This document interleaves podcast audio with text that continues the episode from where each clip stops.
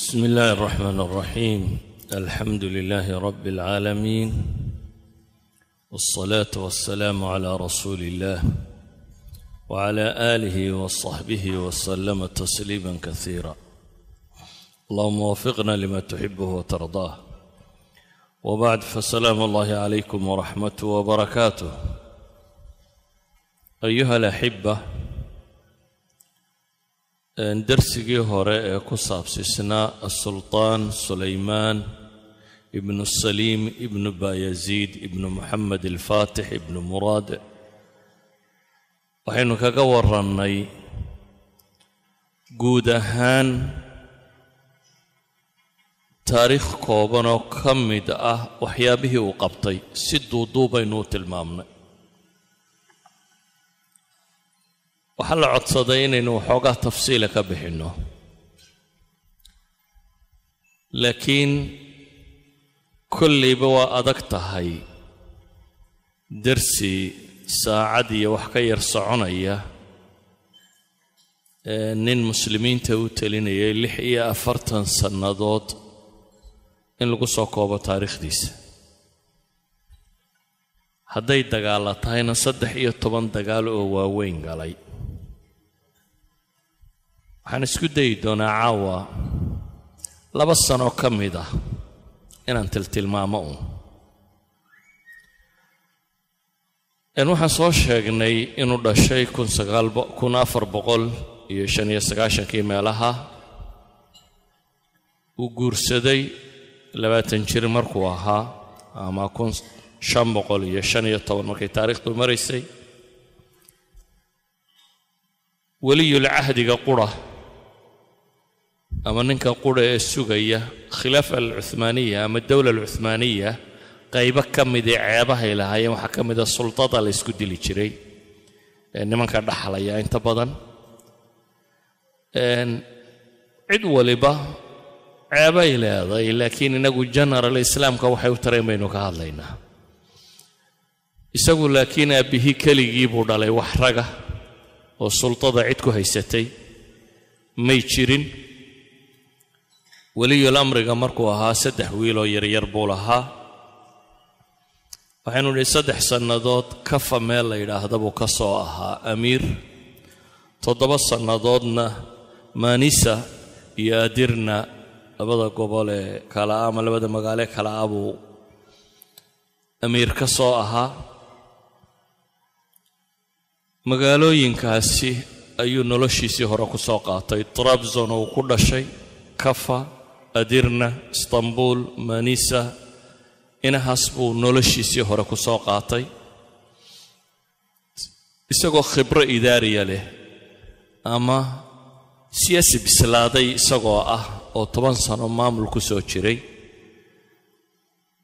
waxaanay dhaqan u ahaa dadyowgaas khilaafada ee hore ee cuhmaaniyiinta wiilku isagoo dhallinyaro ah baa imaarada loo dhiibi jiray laakiin laguma sii dayn jirin kow hooyadii baa la raacin jiray macallinkiisaa la raacin jiray murabbigiisaa la raacin jiray gruub dhan iyagoo ah laakiin la rabo in wiilkan la tababaro ayaa imaarada lagu bilaabi jiray. Marka wuxuu imaaro soo hayay weliyul amriya oo gobol la soo maamulay muddo toban sannadooda tacliin marka horena fiican oo ku saabsiisan jawaanib badanna wuu lahaa. Waxay idhahdaan farsamo yaqaan buu ahaa. Qoladan dahabkiiyo waxa la dhalaaliya dhagxanta yaqaana wuu ahaa. Luqaadka ilaa afar luquu yaqaanay. Gabyaa buu ahaa. Tadriibaad siyaasiyuu soo bartoo la soo siiyey. Tadriibaad caskariyaa la siiyey. Nin markaasi dhisan oo maamul u dhisan buu ahaa. Wuxuu kaloo soo joogay iyadoo siraac waxoogaay uu dhex maray aabbihii iyo awowgii. Marka maamulka loo dhiibay awowgii baa madax ahaa. Mar dambe ayaa wiiluu dhalay. Iyo askartu waxoogaa yara gadoodeen odaygii baaba ka tanaasulay marka siraacaadkaas dowladda gudaheedana khibrad buu lahaa wuu soo joogay. Markii loo magacaabay madaxnimada waddanka aabbihii markuu dhintay ee sadrul acdamkii sadrul acdamka waxay idhaahdaan waa wasiir alawal waa prime minister ra'iisul wasaarihii ra'iisul wasaarihii waddanku uu u yeedhay ee mansabka uu ku fadhiistay. Qaraaraadkii koowaad ee uu soo saaray kow wuxuu ra'iisul wasaare ka dhigtay ninkii hore ee ra'iisul wasaare ahaa biiri moxamed baasha ninka la yidhaahdo. Ra'iisul wasaare wakhti doora soo ahaa laba wuxuu mansilad wasiir u soo dallacsiiyey murabbigiisii tababari jiray qaasim bak nin la yidhaahdo. Rutbatul wasiir buu soo gaadhsiiyey. Marka wasaradu afar bay noqdeen. Sadril acdamka qaasim bek mustafa baasha iyo farhaad baasha afar wasiir buu lahaa. Waxyaabihii koowaad ee uu ku dhaqaaqay waxay ahayd warbixin baa loo diray dowladahay saaxiibka ahaayeen in kursigii ninkan loo caleemo saarayo uu fadhiistay. Qaraarkii kale ku xige uu soo saaray wuxuu ahaa in la dhiso cimaarad khaana. Cimaarad khaana waxay yidhahdaan waa mu'asasaadka khayriga ah. Mu'asasa khayriya oo dadka foqorada iyo masaakiinta iyo dadkaan waxaysan ama dadka socotada iyo waxaasi meel wax ka cunaan oo wax laga siiyo dhar la siiyo laga taageero oo uu hadiyeeyey aabbihii oo dhintay markaa iyo jaamicag uu dhisay iyo iyagu nimankaasi caaday lahaayeen boqorradooda dhintay. Inta badan qol yar bay ka dul dhisi jireen qolkii yaraa ee aabbihiina wuu dhisay waxa uu bilaabay inuu yidhaahdo shacabka dhammaantii cadaaladdu waa inay gaadha. Wuxuu soo saaray marsuum sheegaya aabbihii markuu dowladda qabsaday ee uu ballaadhinayey waa kii safawiyiinta qabsaday caasimaddoodii tabriiz la odhan jiray dowla almamaalikna caasimaddoodii qaahiro la odhan jiray buu qabsaday labadaa dowladoodba wuxuu ku soo daray dowla alcuhmaaniya dabeetana labada gobolba farsamo yaqaanadii joogay wuu soo qaaday. Lix boqol ilaa siddeed boqol oo farsamo yaqaan ama injineer iyo umara a buu soo kaxeeyey oo istanbuul keenay odaygii hore. Ninkani markuu meesha qabsaday dhammaantood wuxuu fasaxay nin waliba meeshii uu rabay ama meeshii uu deganaa inuu ku noqon karo. Waxaa kaloo mamnuuc ahaa tijaaradda eeraan ee xariirta lala tijaareeyo iyana wuu fasaxay tujaartii khasaaruhu ka soo gaadhayna wuxuu yidhi ciwadkii ha la siiyo. Ha loo magdhabo wax allaaliya wixii dhaqaala xumo ka soo gaadhay. Maamulkii askarta iyo maamulayaashii idaariyiintaana wuxuu yidhi wax allaaliya wixii shacabka dhib u geystay. Waa in taxqiiq lagu bilaabaa. Hadda waa in la bilaabaa taxqiiqaad. Cid allaaliya ciddii dhib geysatay. Tusaale ahaan jacfar bak nin la jiray oo ciidamada badda haysan jiray oo sanjaqa khaliiloobi khaalibuli la yidhaahdona madaxu ahaan jiray baa ka mida raggu ku bilaabay. Jaraa'im waaweyn baa ku caddaatay bay yidhaahdaan. Dil baa lagu qaaday. Markii dabeetana novembar ba waa la dilay. Waxaa ka mid a nimankii xukaamta ahaa iyo gobollada ama hareeraha sanaajiqda haysaystay qaar ka mid ah maalan nin la odhan jiray brisren oo lagu soo eedeeyey dad xora inuu iibiyey. Intuu dad xora qabtay inuu cabiid ahaan u iibiyey kuwaana waa ciqaabay waxaa la soo sheegay silaaxdaarka. Silaaxdaarka waa ciidanka qalabka sida rag ka mid ah oo bulshada dhib u geysan jiray inay jiraan. Dhammaantood kuwaasoo dhanna ciqaab ha la wada mariya buu yidhi. Wuxuu soo saaray inuu oggolaado boqorkii ugu dambeeyey dowla alcabaasiya ee qaahira fadhiyi jiray magacyaalka iska ahaa. Aabbihii markuu saltanada kala wareegay aabbihii baa ah awal rajul khilaafa cuhmaaniya sheegtay inuu muslimiintao dhan khaliifu yahay. Ninkaas markii uu kala wareegay wuu soo qaado istanbuul buu isagana keenay. Isna wuu fasaxay oo wuxuu yidhi qaahiradaadii hadday aad rabto waad ku noqon kartaa. Waxaasoo dhammi waxay muujinayaan aabbihii nin ad adag baa lagu tirin jiray.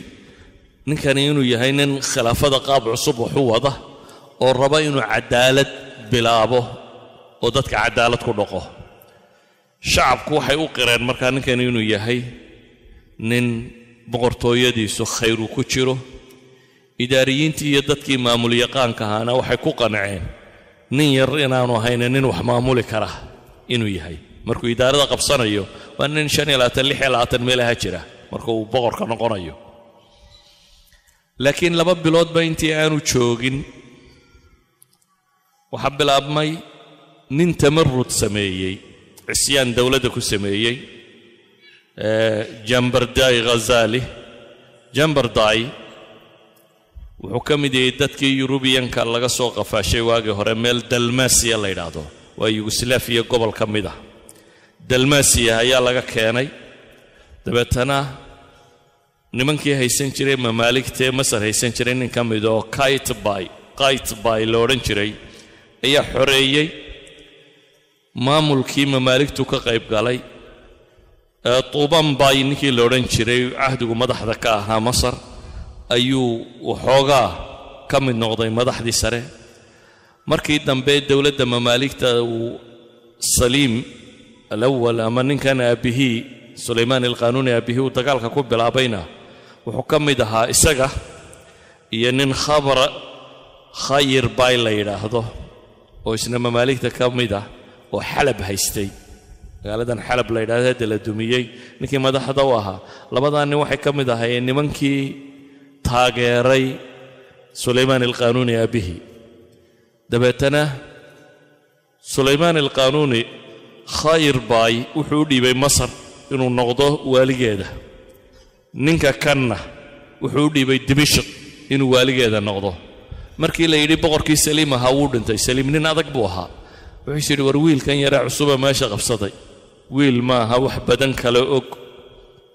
Saa daraaddeed ayuu wuxuu bilaabay tamarud inuu gobolkiisa goosto. Dabeetana xidhiidhuu sameeyey wuxuu xidhiidh la sameeyey khayr baygaasi oo masar haystay oo weliba uu tahdiidaadka badh ugu daray isagoo hanjabaya isaguna meeshii uu joogay wuxuu la baxay almelik alashraf oo khudbadda magaciisa lagu akhriyey.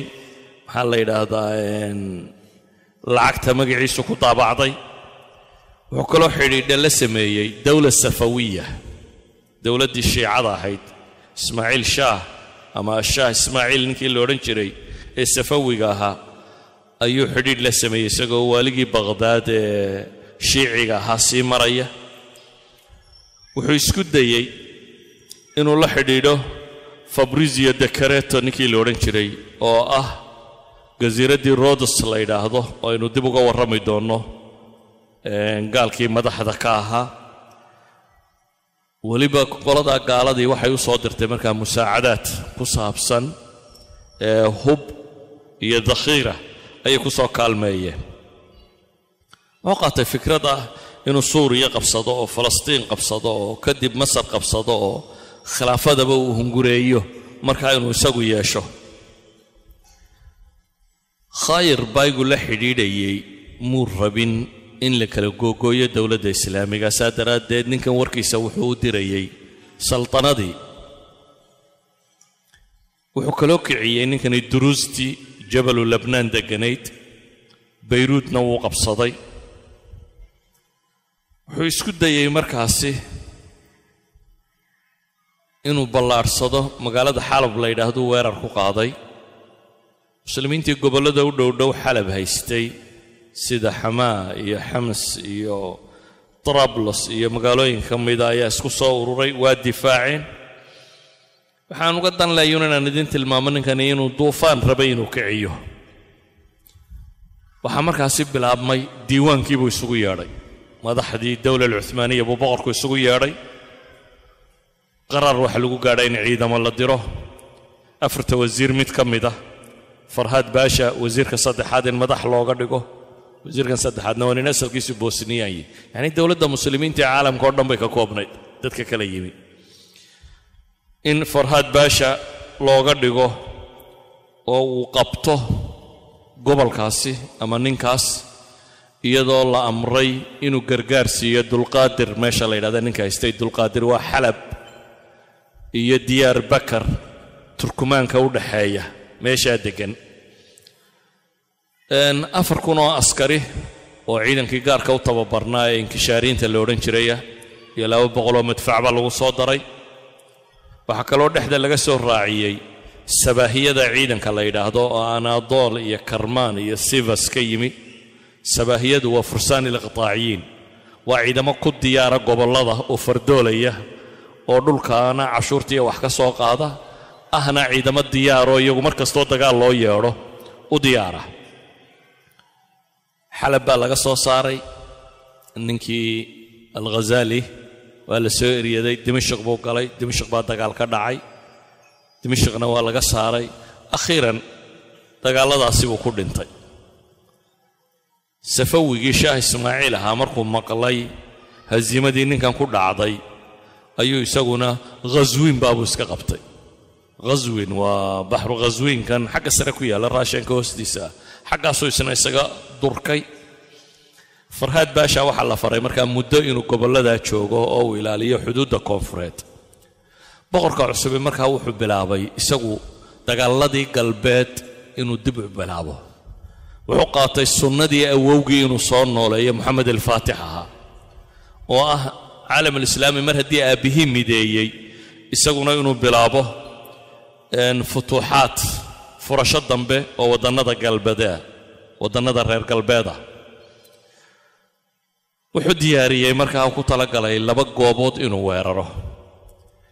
Meeli waa belgarad belgarad caasimaddan hadda serbiya yugoslaafiya caasimadda magaaladan ahaan jirtay. Markaa majariyiinta xukuma hungeriya laga xukuma.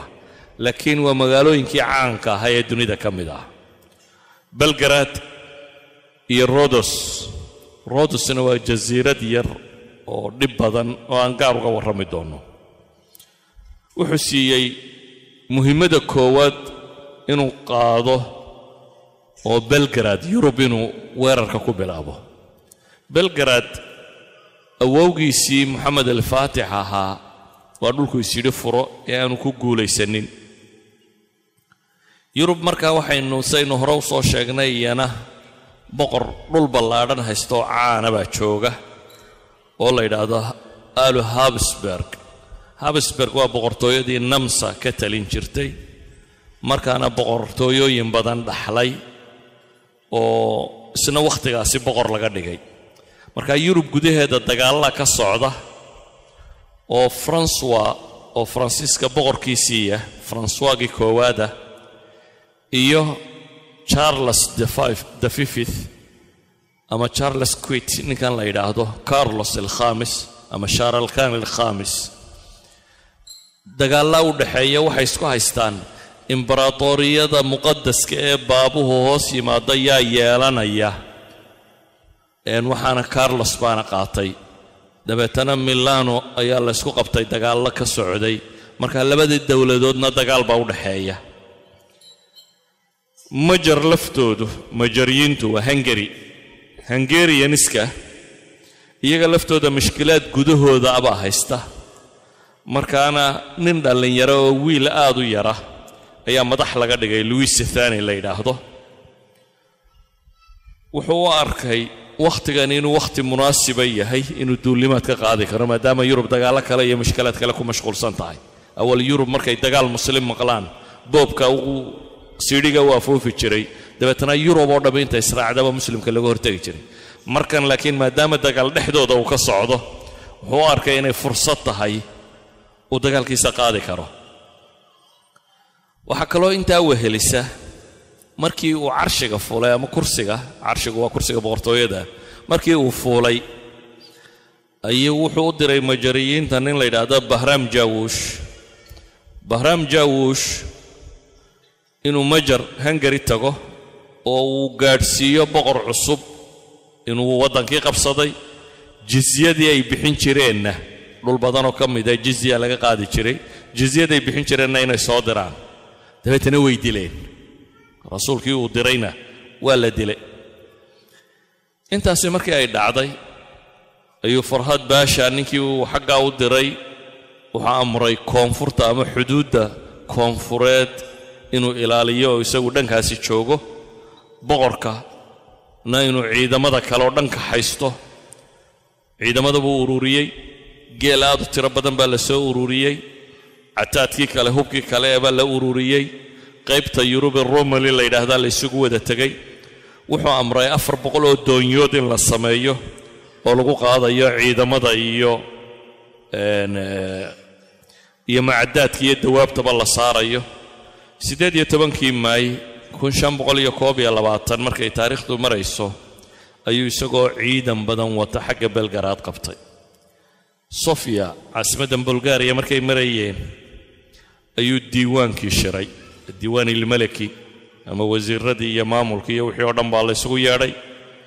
Waxaa la isweydiiyey ma belgaraad baynu ku dhufannaa mise budabest budabest waa caasimaddii hungari hungari baana xukunta belgaraad marka waxay isweydiinayaan ma caasimaddaa baynu ka bilownaa oo waynu iska dhaafnaa belgaraadda mise belgaraadda ka sokayse belgaraad ayaynu dagaalka ka bilownaa. Madaxdu way ku kala ra'yi gedisnayd axmed baasha nin la yidhaahdo oo romali gobolkii rumeliya ee gobolka waqooyi ugu xiga ee xagga yurub ku yaalla ee dowlal cuhmaaniya ka taliya ayaa wuxuu yidhi aniga waxay igula quman inaynu dhaqaaqno. Waxaynu qabanaynaa bukurdeelen bukurdeelen meel la yidhaahdo qalcaddaasaan furanaynaa. Dabeetana horaan uga soconaynaa markaskaynu qabanaynaa. Budabest baynu u kacaynaa. Wakhtigii hore buuda ama buudin baa magaalada lo odhan jiray. Webi baa dhex mara. Dhankanna waa magaalo kaloo best la yidhahdaa dhankanna buudiin baa la yidhahdaa mar dambaa la ysku daro budabest loo bixiyey laakiin caasimadda rasmiga ee waddankii buuda ama buudin ama buudayn intaba waa loo akhriyaaye. Taas bay ahaan jirtay. Sidii baa lagu dhaqaaqay. Asadri alacdam ama raysal wasaarihii biiri moxamed baasha la odhan jiray. Isagu fikrad fikraddaa ka gedisan buu qabo wuxuu qabay belgaraadaan ka bilowno. Laakiin markii muddo fikraddii la wadwaday suldaanku wuxuu ku qancay budabestka xagga caasimadda in la qabto. Dabeetana raysal wasaarihii waxaa la faray inuu isagu belgaraad qabto oo uu xisaar ku sameeyo si aanay musaacado iyo kaalmo ugu soo samaynin. Markaannu budabest weerarayno.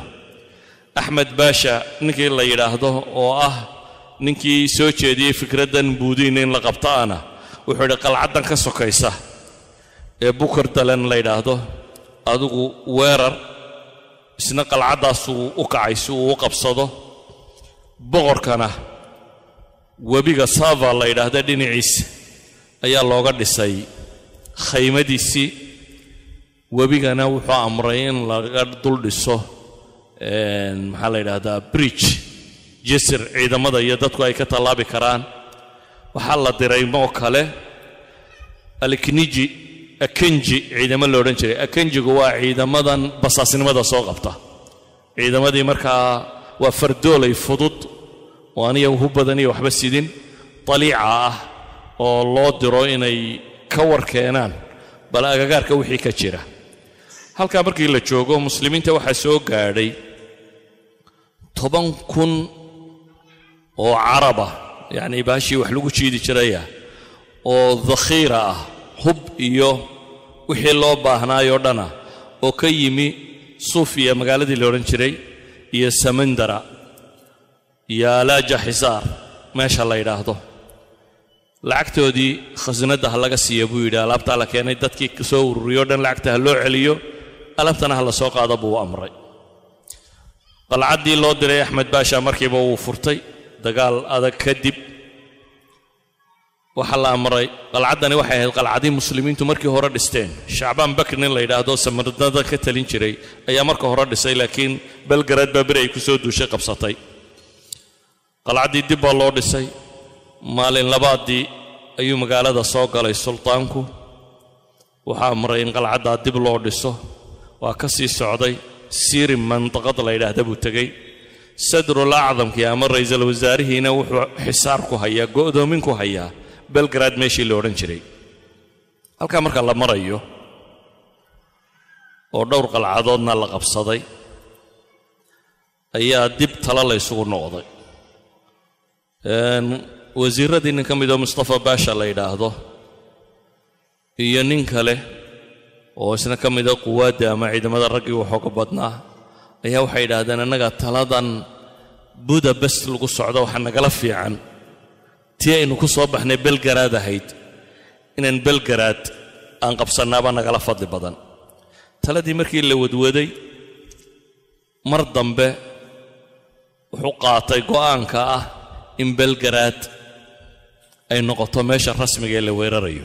Belgaraad awalba xisaar bay ku jirtaa ra'iisul wasaaraha xisaar ku sameeyey oo waxaa laga cabsanayay budabest marka lagu socdo inay iyagu soo hiiliyaan marka waxaa la yidhi intaynu budabest qaban lahayn horta tanaan furanno iyaynan dhaafin tanaan xisaarka ku hayno ee belgaraad ha la furo. Belgaraad baa xisaarka lagu adkeeyey weerarkaa lagu qaaday qalcada meelo ka mida baa la dalooliyey. Godadintay qodeen baa baaruud lagu guray dabeetana waa la qarxiyey qaybo ka mid ah waxay yaqiinsadeen ciidamadii gudaha ku jirtay markaa weerarka ku socda inaanay xejin karin magaalada dhanna madaafiic baa lagu garaacayaa dhanna waa la qarxiyo inta godad la soo qoday baa miinooyin lagu qarxiyey. Inaanay xejin karin magaalada.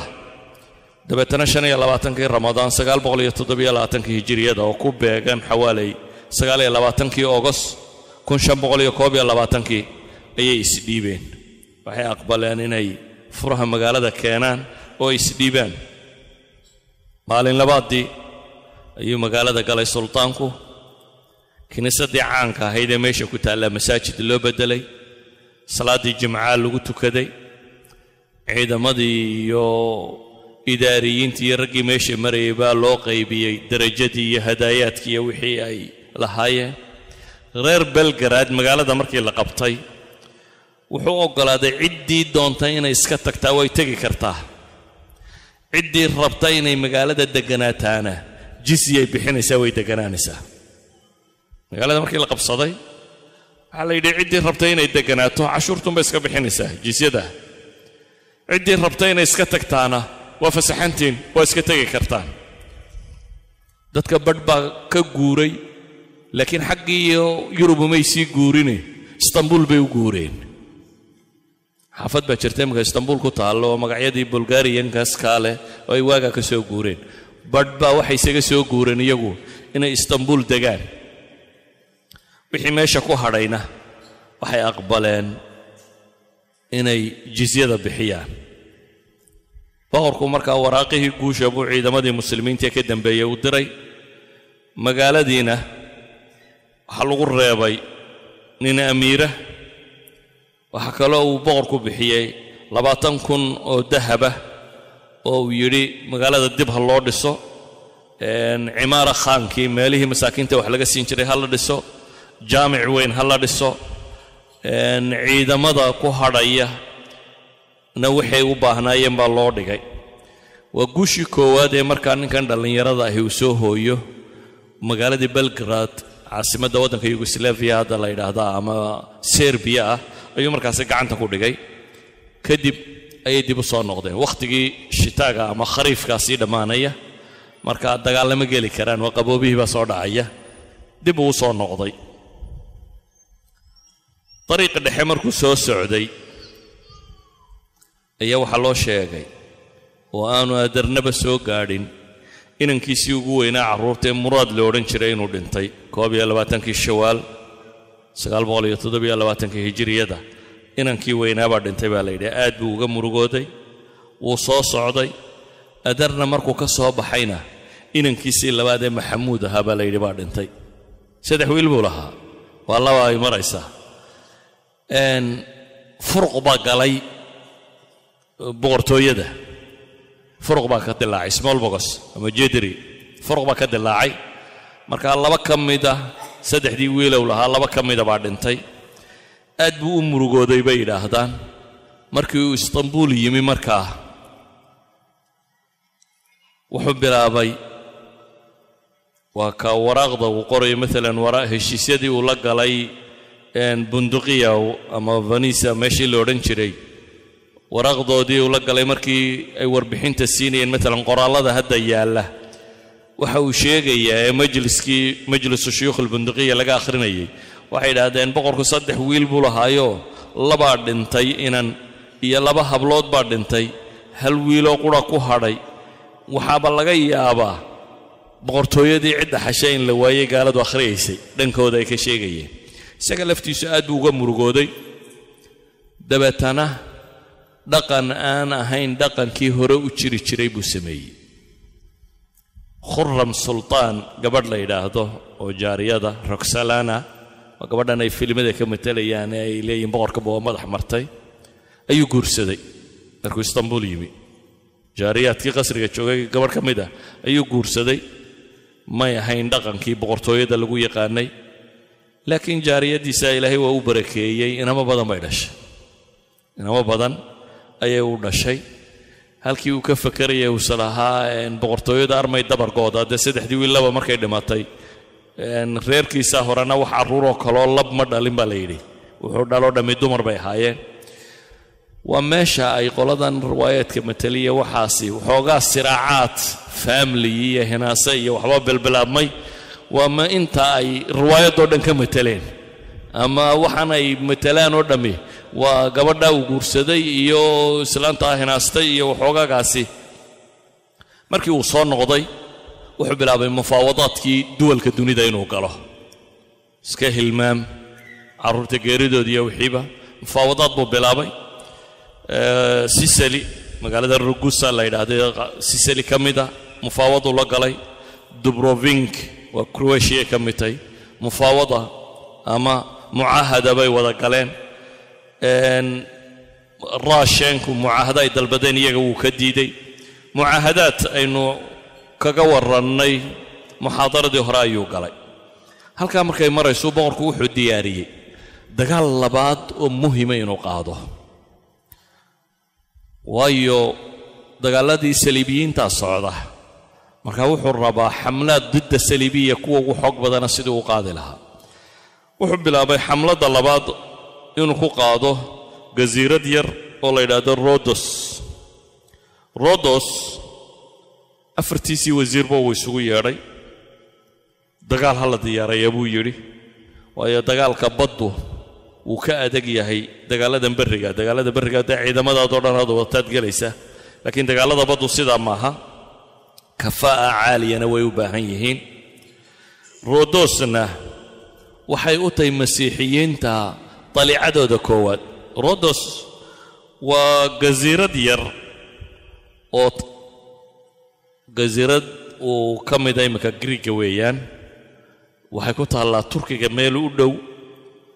Waa gasiiradday degganaayeen nimankii la odhan jiray fursaan alqadiis yuxana qadiiskii yuxana la odhan jiray fursaantiisa. Marka qolada tan laga warramayo waxay ahaayeen qolo aad u khatar badan. Ugu horrayn waa dad badan oo isu yimi. Waa dad badh ingiriis yahay badh faransiis yahay badh talyaani yahay badh sbaanish yahay badh jarmal yahay badh bortuqiis yahay. Dalal badan oo yuruba dad ka tirsan.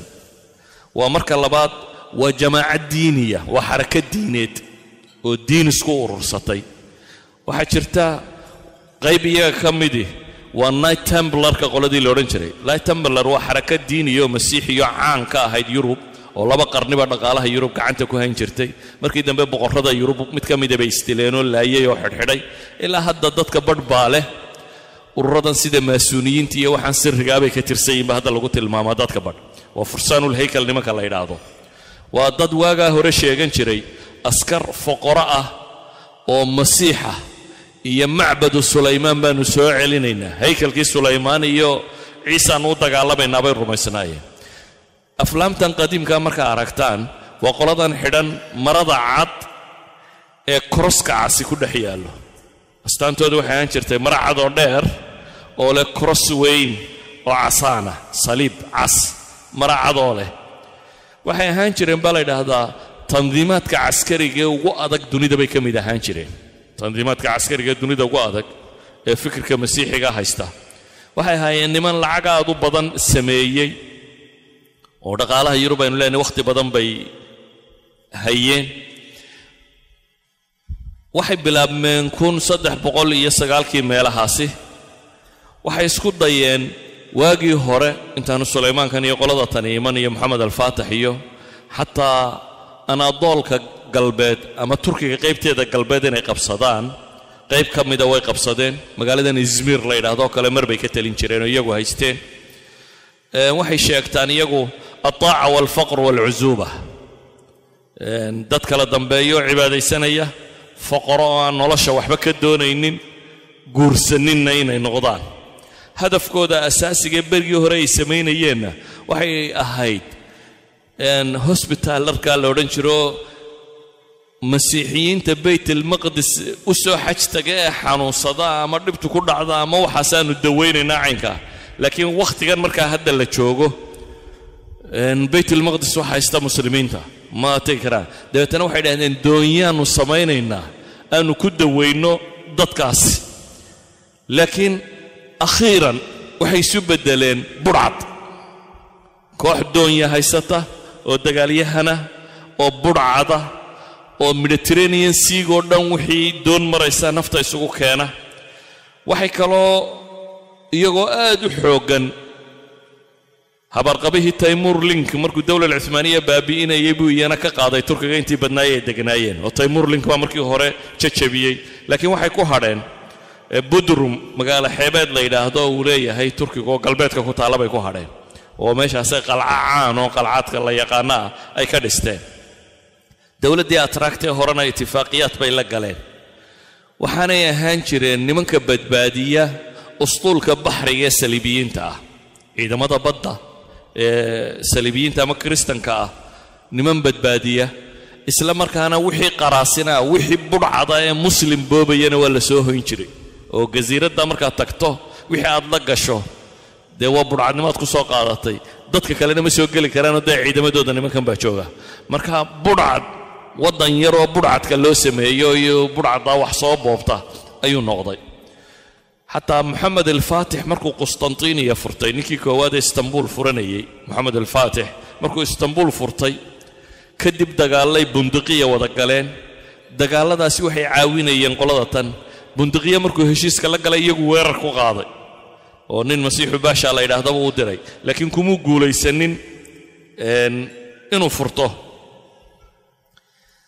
Nimankani markaa asbaabo badan daraaddood kow dowlal cuhmaaniya col bay la ahaayeen iyo muslimiinta dhammaantoodba oo budhcaddaa dee meesha dhacaysa bay ahaayeen laba waxay ahaayeen nimankii hubka iyo dakhiirada u dirayey jambardi ninkii la odhan jiray aynu idhi thawraduu ka samaynayay dimashik waa nimankuu la hadlaya waxu dirayay. Saddex waxay haystaan baa layidhi maxaabiis muslimiin oo ay qabsadeen oo dadka xajka ku socda. Gasiiraddan yari waxay u dhaxaysaa jidka loo maro qaahira iyo istanbuul bay ku taallaa. Saa daraaddeed cuhmaaniyiinta xajka u socota ama muslimiinta xajka u socota ama safarada tijaariga meesha wixii ay qabtaan ee muslima way ku shaqaystaan. Alacmaal ishaaqa bay u dirtaan waxay kaloo sameeyeen mashkilad kaloo ah cuhmaaniyiinta maadaama ay loolan kula jiraan wiil ku abtirsada cuhmaaniyiinta oo dadka badha yidhahdaan kristan baabuu noqday ayaa waxay yidhaahdeen waa amiirka waddanka ah isagaanu garab gelayna la dagaalamayna wiilkan waa waxaa la yidhaahdaa muraad ibnu jam. Jam jam waa ina moxamed alfaatix wuxuu walaalla yahay baayaziid baayaziid aani baayaziid aanina waa boqorkan aynu ka warramayna awowgii.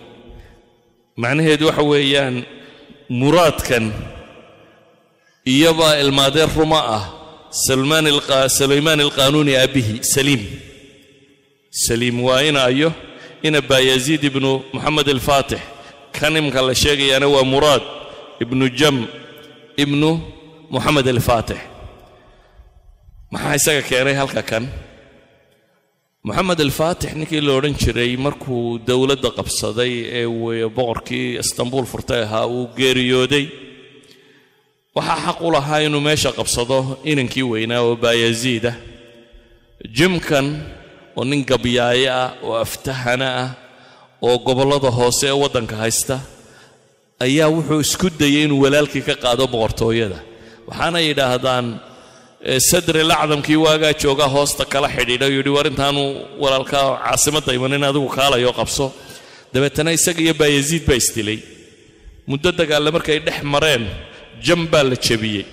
Jam markii la jebiyey wuu iskaga yimi meeshii wuxuu yimi masar. Qaahiro mamaaligtaa soo dhowaysay maadaama ay dowlal cuhmaaniya ka soo horjeedeen. Qaahiruu muddo joogay waa iska soo xaj tagay bay idhaahdeen wuu xajay. Xajkii buu ka noqday haddana turkigu dib ugu noqday uu ciidamiyo waxbuu urursaday dagaalan buu isyidhi dib baa loo soo jebiyey meel uu kucuu garan waayey. Akhiiran dadka badh waxay yidhahdaan isagoo doon fuushan bay qaraasinadii qabatay. Qaar waxay yidhaahdaan maye isagoo nafla caarida buu meeshaasi galay wuxuu tegay in rodus. Rodus markuu tegey baa yaziid uu ka daba tegey nimankan meesha jooga iyo baayaziid heshiis bay galeen inaan laysku duulina. Waa kow. Laba. Wuxuu baayaziid amray jam inaan la soo daynina meeshaa lagu hayo. Kharashkana anaa bixinaya. Shan iyo afartan kun waa walaalkii. Shan iyo afartan kun awqyadoo dahaba inuu sannadkii bixiyo iyaguna ay jam meesha ku hayaan. Jam markay muddo meesha ku hayeen dowladihii reer galbeedkaa maqlay jam inuu halkaa joogo dowlal cuhmaaniya si ay u dumiyaan bay jamka rabeen inay qaataan. Laakiin boqortooyada qoladani heshiis bay kula jireen. Marka sharal manki ayaa rabay inuu xoog ku qaato iyo mise dowladda faransiiska filaya ama baabawiyada iyo sharal manka iyo kuwaasaa rabay inay qaataan. Akhiiran markii ay u cabsadeen in laga qaaday faransiiska u direen. Faransiiska lagu hayey toddoba sannadood iyo waxbuu france meelaha maxbuus ku ahaa. Adigu markii dambe boobkaa loo keenay gacanta boobkuu galay boobkaa isku dayay inuu masiixiyo. Qisas badan bay ka sheegaanoo waa aad u radiyey akhiiran faransiiskaa ku soo duulay boobkiibuu ka qaaday. Waxay idhahdaan boobku sun buu sii siiyey markuu arkay in laga qaadayo wuxuu ku dhintay talyaaniga. Talyaaniga markii uu ku dhintay ee meesha lagu aasay cuhmaaniyiintaa dalbaday meydkiisii baa loo saaray meeshii awowyadii baa lagu aasay.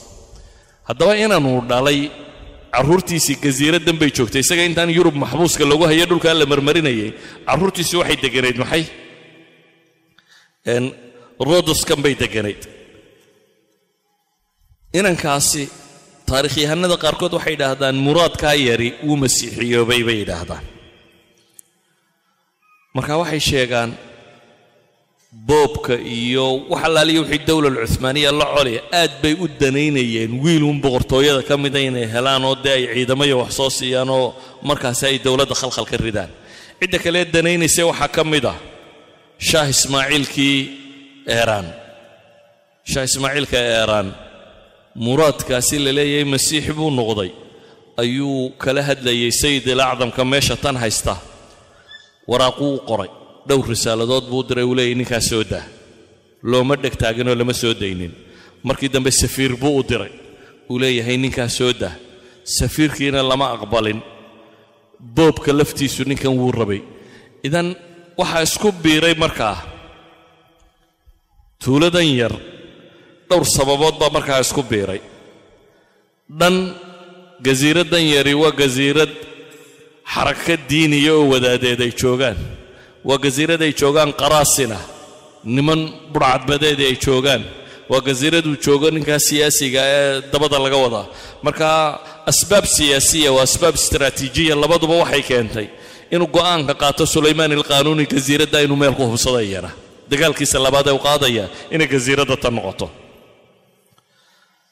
dagaalkii yurub u dhaxeeyey ee alu habsborg viana qoladii ka telinaysay iyo maxaa la yidhahdaa sbain iyo dhulkaasi iyo faransiisku weli wuu socdaa waxaa kaloo iyana soo baxay yuruboo markaa jira dagaalkii islaaxiyiinta iyo baabawiyada. Yacnii brotestantska kuwan la yidhaahdo martin luther iyo guruubbadiisii oo qoladii boobka diidaya madhabkan iminka maraykanka iyo ingiriisyada iyo waxaana madaahibta ay haystaan iyo jarmalka qaybo ka mid iyo skandinafiankiyo markaasuu bilaabma markii hore yurub dhammaanteed waxay ahayd laba kiniisadood unbaa jiri jiray sida rasmiga ah. Catholic iyo orthodogos orthodogosku waa kiniisa sharqiya waa tan griiga iyo raasheenka iyo masaaridan iyo etoobiya iyo ay haystaan waa orthodogos kuwaasi. Qaybta kalena waa catholic oo waa tii rooma looga talin jiray. Marka qolaa soo baxday islaaxiyiin la yidhaahdo oo kiniisadda rooma ku kacsan oo jarmalka iyo dhulkaasi ku xoogaystay bamberg baa filayaa meelahaasay deganaan jireen aad u xoogaystay baa jira. Marka yurub dhexdeedu diin ahaanna way soo haysaa dagaallo diimeed baa socda. Siyaas ahaanna way soo haysaayoo boqorkii faransiiska iyo boqorkii sbain iyo namsaba haystay ayaa dagaalla ku wada jira. Wuxuu arkay dowladda ugu dhowee tuulada ama gasiiraddan u gargaari kartaana waa vanisia waa albunduqiya. Bunduqiya iyo dowla alcuhmaaniyana haddaabay heshiis cusub galeen oo heshiisyadii mucaahadaadkaynu sheegaynay. Saa daraaddeed wuxuu arkay fursad ugu fiican oo aan iyaga iyo gasiiradda la ysugu imanaynin inay tahay. Yurub intay isku mashquulsan tahay inuu tan ka gaadhsiiyo go'aanka abuqaata wuxuu isugu yeedhay addiiwaan ilmalaki. Waxaa la yidhi duullimaadaan qaadno ragga badh baa waxay dhaheen war gasiiradda tani qalacaad khatara ah baa ku yaalla saa daraaddeed xisaarkeedu go'doominteedu way dheeraanaysaa muddo aad u badan.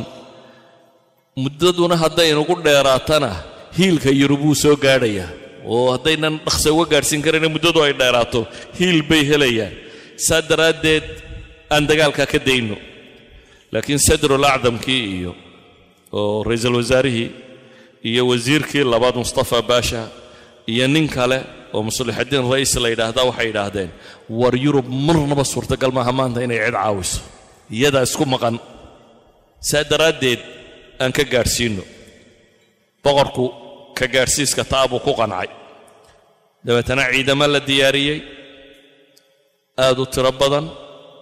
Doonyaha la diyaarsaday wasiirkii mustafa baasha la yidhaahdaba qaa'id il acdam laga dhigay boqorkii iyo ra'iisul wasaarihiiba waa soo raaceen dhanka kale markaynu eegno herodos ninka ka taliyo sayid il acdam ay yidhaahdaan isna war baa soo gaadhay in lagu soo duulayo.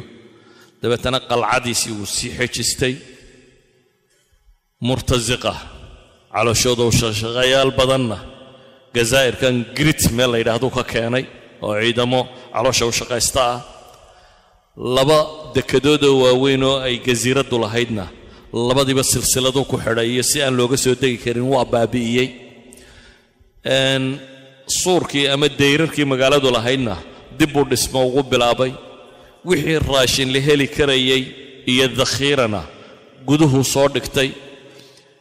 Warna wuxuu u dirtay boobkii iyo faransiiska. Isna intii uu diyaargaroobi karo warkii wuu ogaaday in lagu soo socdo buu diyaargaroobay may dhicin boobka iyo faransiisku toona inay saacidaan. Ciidamadii muslimiintu bisha rajab sagaal boqol iyo siddeed iyo labaatankii ama juun ayay soo dhaqaaqeen iyadoo boqorkuna la socdo. Saddex boqol oo doonyooda ay wataan oo uu hoggaaminayo mustafa baasha ninka la yidhaahdo. Gobollada dambe ee turkiga qaybo ka mid ah khalibuulina dhexda intay ku sii jireen bayana waxoogaa doonyo oo kala keeneen. Waxaa ciidankii degay gasiirad la yidhaahdo stankoy meelaha aan ka warramayo waxaa ku yaalla horta jasiiradaha caanka ee la yidhaahdo dodicanis dodicanis islandis. Waa shan iyo toban gasiiradoodoo waaweyn iyo boqol iyo konton gasiiradoodoo yaryar. Turkigaas waxa isku leh griiga shan iyo toban gasiiradoodoo waaweyn iyo boqol iyo konton gasiiradoodoo yaryar meeshu weeyaan. Marka gasiiradaha ugu caansan waxaa ka mid ah gasiiradda stankoy la yidhahdaa ama kuus baa imka la yidhahda waa meelahan hadda loo baxo maxaa la yidhaahdaa tuuriska loo taga bay ka mid tahay. Halkaasay bishii juun soo degeen waa soo dhaafeen ganiido meel la yidhaahda bay yimaadeen waa gasiirada aad u yaroo kaloo meesha taalla. Kadibna safiir baa loo diray sida waraaq buu boqorku u diray. Deylolel aadam ninkii la odhan jiray meesha xukumayey oo la leeyahay isdhiib. Na lama dagaalami kartaana isdhiiba. Haddaa isdhiibtaanna xorriyaddiinnana waa idin siinaynaa. Hubkiinna iyo badaa'icdiinnana inaad qaadataan oo la guurtaan waa idiin aqbalaynaa. Sharti inay gasiiradda dhiibtaan majliskii ama guddigii magaalada shirtay. Go'aan laba shay bay ku gaadheen. Nimankii meesha ka talinayay. Kow shacabka iyo inaan u sheegin in laynagu soo duulaya aan qarinno. Laba boqorkaana iyo inaan u jawaabin aan ka aamusno baa la yidhi go'aan waxay ku qaateen shacabkana inaan loo sheegin dagaal soo socdo dowla alcuhmaaniyana inaan loo jawaabin. Afar iyo labaatankii juun ayaa usطuulkii cuhmaaniga ah wuxuu soo gaadhay valanova meel la yidhaahdo oo labiyo toban mayl u jirta rodos ciidamadii muslimiintu waxay bilaabeen inay go'doomin u diyaargaroobaan nimankan inay go'doomiyaan. Doonyo khafiifa loo soo saaray oo ciidamada ku roga gasiiradda qaybo ka mida boqorkii marmaris meesha la yidhaahduu soo gaadhay. Kadibna rodos ayuu laba maalmood kadib soo gaadhay. Inta halkaa la marayo boqorka war baa soo gaadhay ah farhaad baasha wasiirkii la odhan jiray uu kaga yimi meeshii. Nin nimankii madaxda ka mid ahaa oo cisyaan sameeyey inuu dilay. Waxba umuu sii dheg taagin. Boqol madfac baa la rakibay. Boqol madfac baa laba maalmood gudahood lagu keenay. Gasiiraddii dagaalkii baa bilaabmay. Mudduu socday waxaa suurtoobi weyday magaaladii in hore loo furto. Ay magaalada tan kristanku waxay odhan jireen laa yastatiicu fatxa abwaaba rodos ilaa ahla rodos bay odhan jireen. Albaabada yada annaga mooyaane cid kale ma furi karto. Meel aad loo ilaaliyey ayay ahayd. Weliba nin muhadisiintii bundaqiya ka tirsanoo caana na wuxuu u sheegay farsamo kaloo ah qalcadda gudaheeda meelaha ku dhodhow in godad la qodo si loo arki karo wixii khanadiqee la soo qodayo. Ciidamadoodii meesha joogayna waxay isu qaybiyeen afafka. Wixii af ingiriis ku hadlaya meel baa layidhi ka dagaalgala. Wixii talyaani ku hadlaya meel baa layidhi ka dagaalgala wixii faransiis ku hadlaya meel baa loo saaray. Wixii sbanisha wixii almaniya wixii bortugiisa wixii brovanisa brovanisku waa falamangahan belgium ka tirsan. Waa la kalaa intii isku afaba qayb baa la geliyey muddaa meeshii ay socotay. Go'doomintii waa loo taag waayey. Sadril acdamka ayaa wuxuu yidhi kiisas ciid ha lagu shubo oo ha la dheereeyo dabeetana niman qorya sita xagga sare ha la saaro bal nimankan ha la toogtoogto wixii inna in la geli karo. Waxoogaa najaaxa guul way yaro keentay laakiin may suurtoobin. Soddonkii nuufembar markay marayso waa juun baynu ka nimid soddonkii nuufembar markay marayso ayaa qaybtii talyaaniga iyo qaybtii isbaanishka la furtay. Tamartoodiina way soo gaabisay. Kadib ay muslimiintu manshuuraad waraaqaa loo daadiyey. Laba ninna waa loo diray. La leeyahay isdhiiba shir kale ay qabsadeen. Shirkii kale ay qabsadeen waxay go'aan ku gaadheen inay mufaawadaad la galaan muslimiinta. Waxay soo dirteen cid mufaawadaad la gasha laba nin bay soo direen. Waxay idhaahdeen kow xabad joojin aan samayno afar maalmooda kadibna aan mufaawadaadka gallo. Suldaanku wuu ka aqbala kuwii uu soo dirtay waxoogaa intay indhaindheeyeen bay ku noqdeen meeshiiyo waxay idhaahdeen turkidu way liidataa aad baa khasaare badan baa soo gaadhay bunduqiyana safiine ka timi oo boqol laatiina sida iyo cunooyin iyo waxaasaa inoo timi. Dee nimanku waxba inaga qaadi kari maayaane isxijinna bay ku celiyeen. Waxay ku tala galeen inay inta ciidamo kale iyo wax hub kale ay helayaan inay dheereeyaan muddado kolba safiir soo diraan. Boqorku wuu fahmay markaa. Dabeetana wuxuu ballanqaa wuxuu yidhi weerarka ha la bilaabo. Weerarkii baa dib u bilaabmay waa adkaatay. Markaasay codsadeen in laga joojiyo lama aqbalin. Waraaq bay soo direen ay leeyihiin baayaziid ballanku nala galay waxa ku qoraa allaha nacdalo carruurtayda wixii ka mida idinka inta soo weerara. Waxaa loo keenay axmed baasha ninkii ciidamada hogaaminayay dabeetana wuxuu yidhi jeexjeexa warqadda suldaanka ha u geynine. Waraaqdiina waa la jeexjeexay akhiiran wakhtigaa dhammaaday. Waxay ku gebagabowday nimankii inay isdhiibaan mucaahadana ay galaan ah. Wixii hub iyo raashin ay qaadan karaan inay qaataan. Labayo toban maalmood gudahoodna inay magaalada kaga baxaan. Wixii bixi kari waaya in la siiyo doonyo ay ku baxaan oo ay debadda ku qabtaan. Afar kun oo ciidamadii inkishaariyiinta ka midna labayo toban maalmood gudahood inay magaalada ku galaan. Dadka masiixiyiinta in diintooda loo ogolaado muddo shan sannadooda in cashuurta laga daayo. Saddex sannadood gudahoodna wixii ka guuri kara magaalada in loo aqbalo. Carruurtooda inaan askarta la qorin. Adigu shan bilood kadib tuulooyinkii ama gazaa'irkii iraraay meesha u dhowaayoo dhan intii ugu badnaydna waa la qabsaday. Meeshiina waxay noqotay guushii labaad ay muslimiintu gaadhaan. Idan waxaynu leenahay labadii sannadoodee koowaad hal thawra oo masar iyo intaa ka dhacday dimashq iyo agagaarkeeda ka dhacday iyo labada dagaalee waaweyn buu qaaday. Dee afar iyo afartankii sannadooda kalena waa inoo hadhsan yihiin wasalaamu calaykum waraxmat ullahi wabarakaatu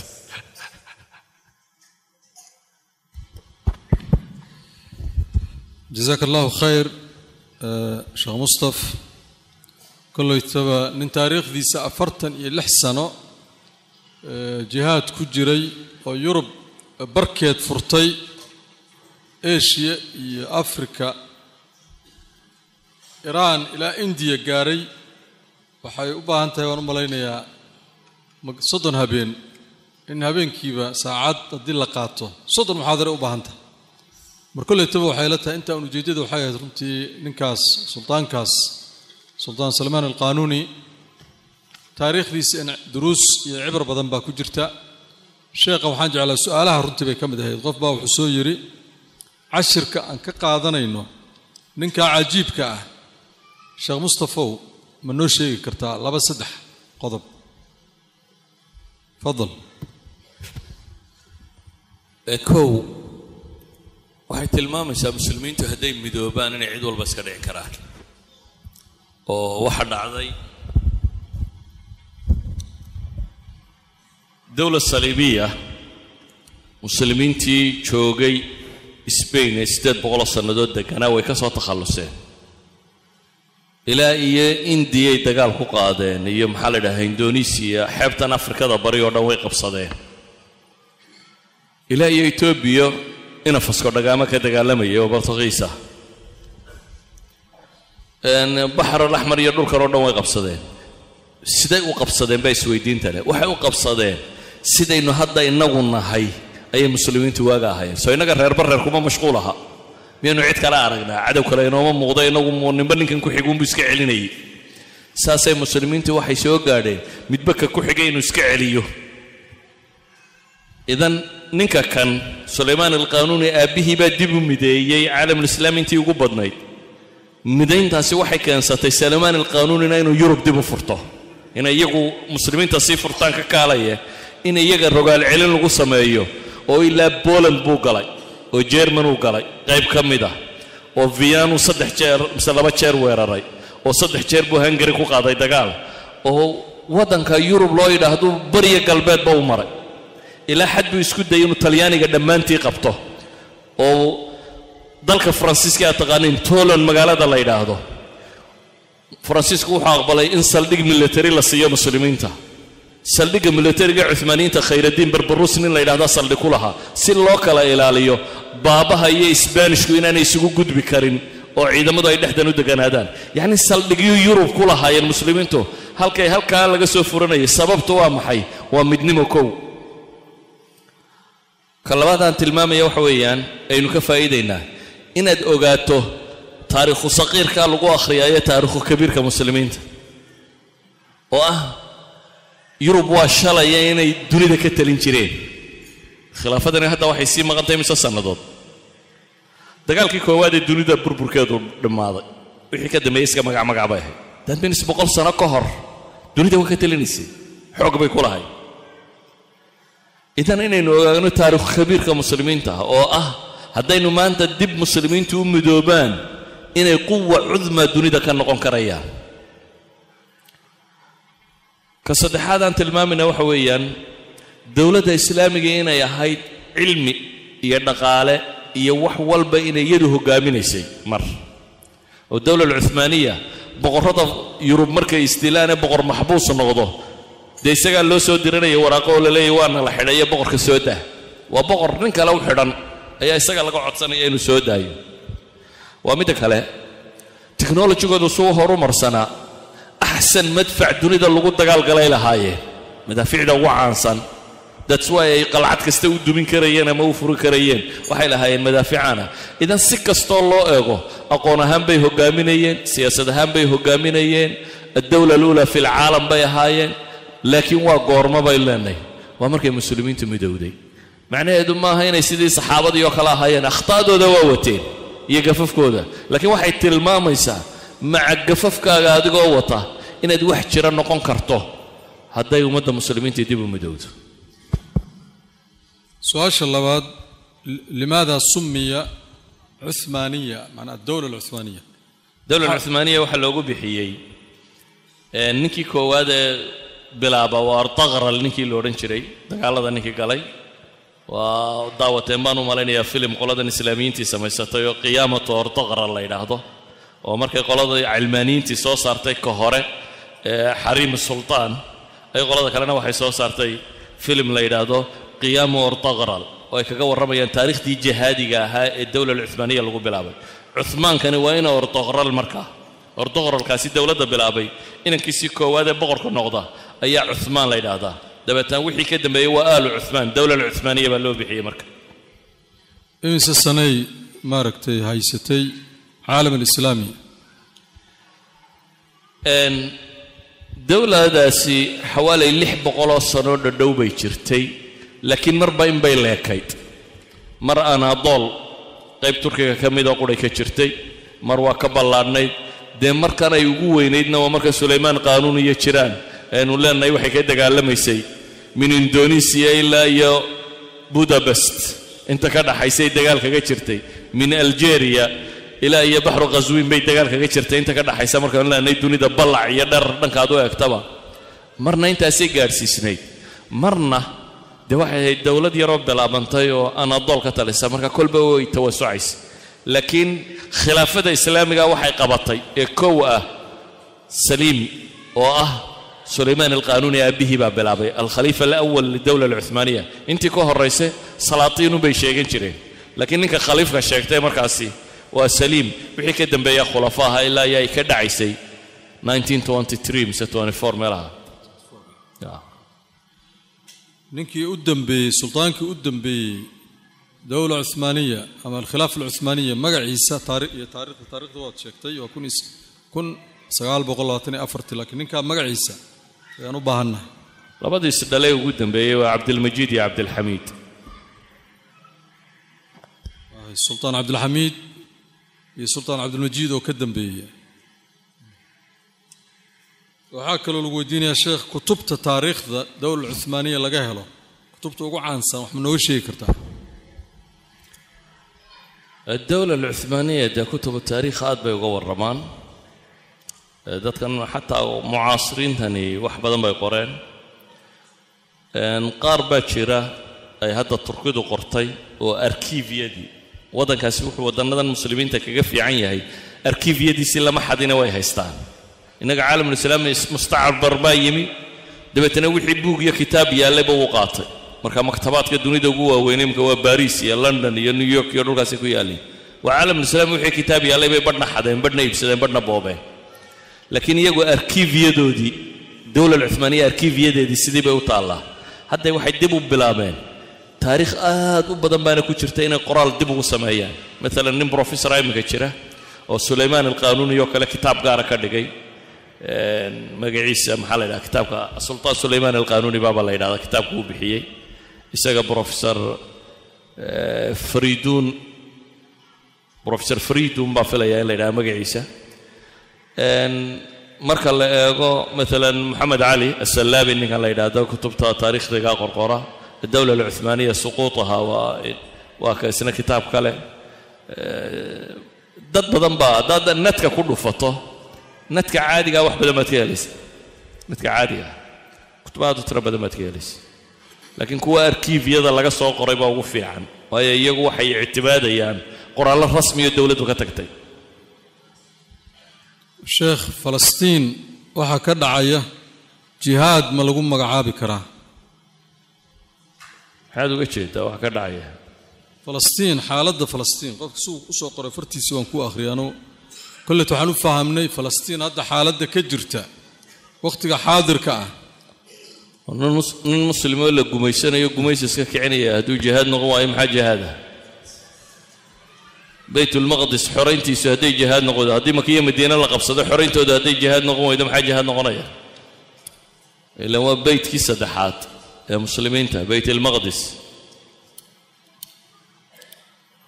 haddaad dhanka kale u jeeddo dadka niyaddooday ku xidhantay dad qoominimo ku dagaalamaysa waxba heli maysa nebiga markii la weydiiyey ninka magaca doonaya iyo ninka tolka difaacaya ninka caynkan ayuhuma fii sabiili illah wuxuu ku jawaabay man qaatala litakuuna kalimatullahi hiya alculya fahuwa fii sabiili illah min xayu niya adiga marka lagu eego dagaalku inuu saxyaa laga yaabaa laakiin adigu inaad ajarba helin haddii aanad dee niyo saalixa wadan iyo iyo dee wixii sharcigu sheegaya haddaanad adigu wadan. Haddaad qowmi dagaalamayo tabita ama shuuci dhulkiisa dhacsanayuna tahay.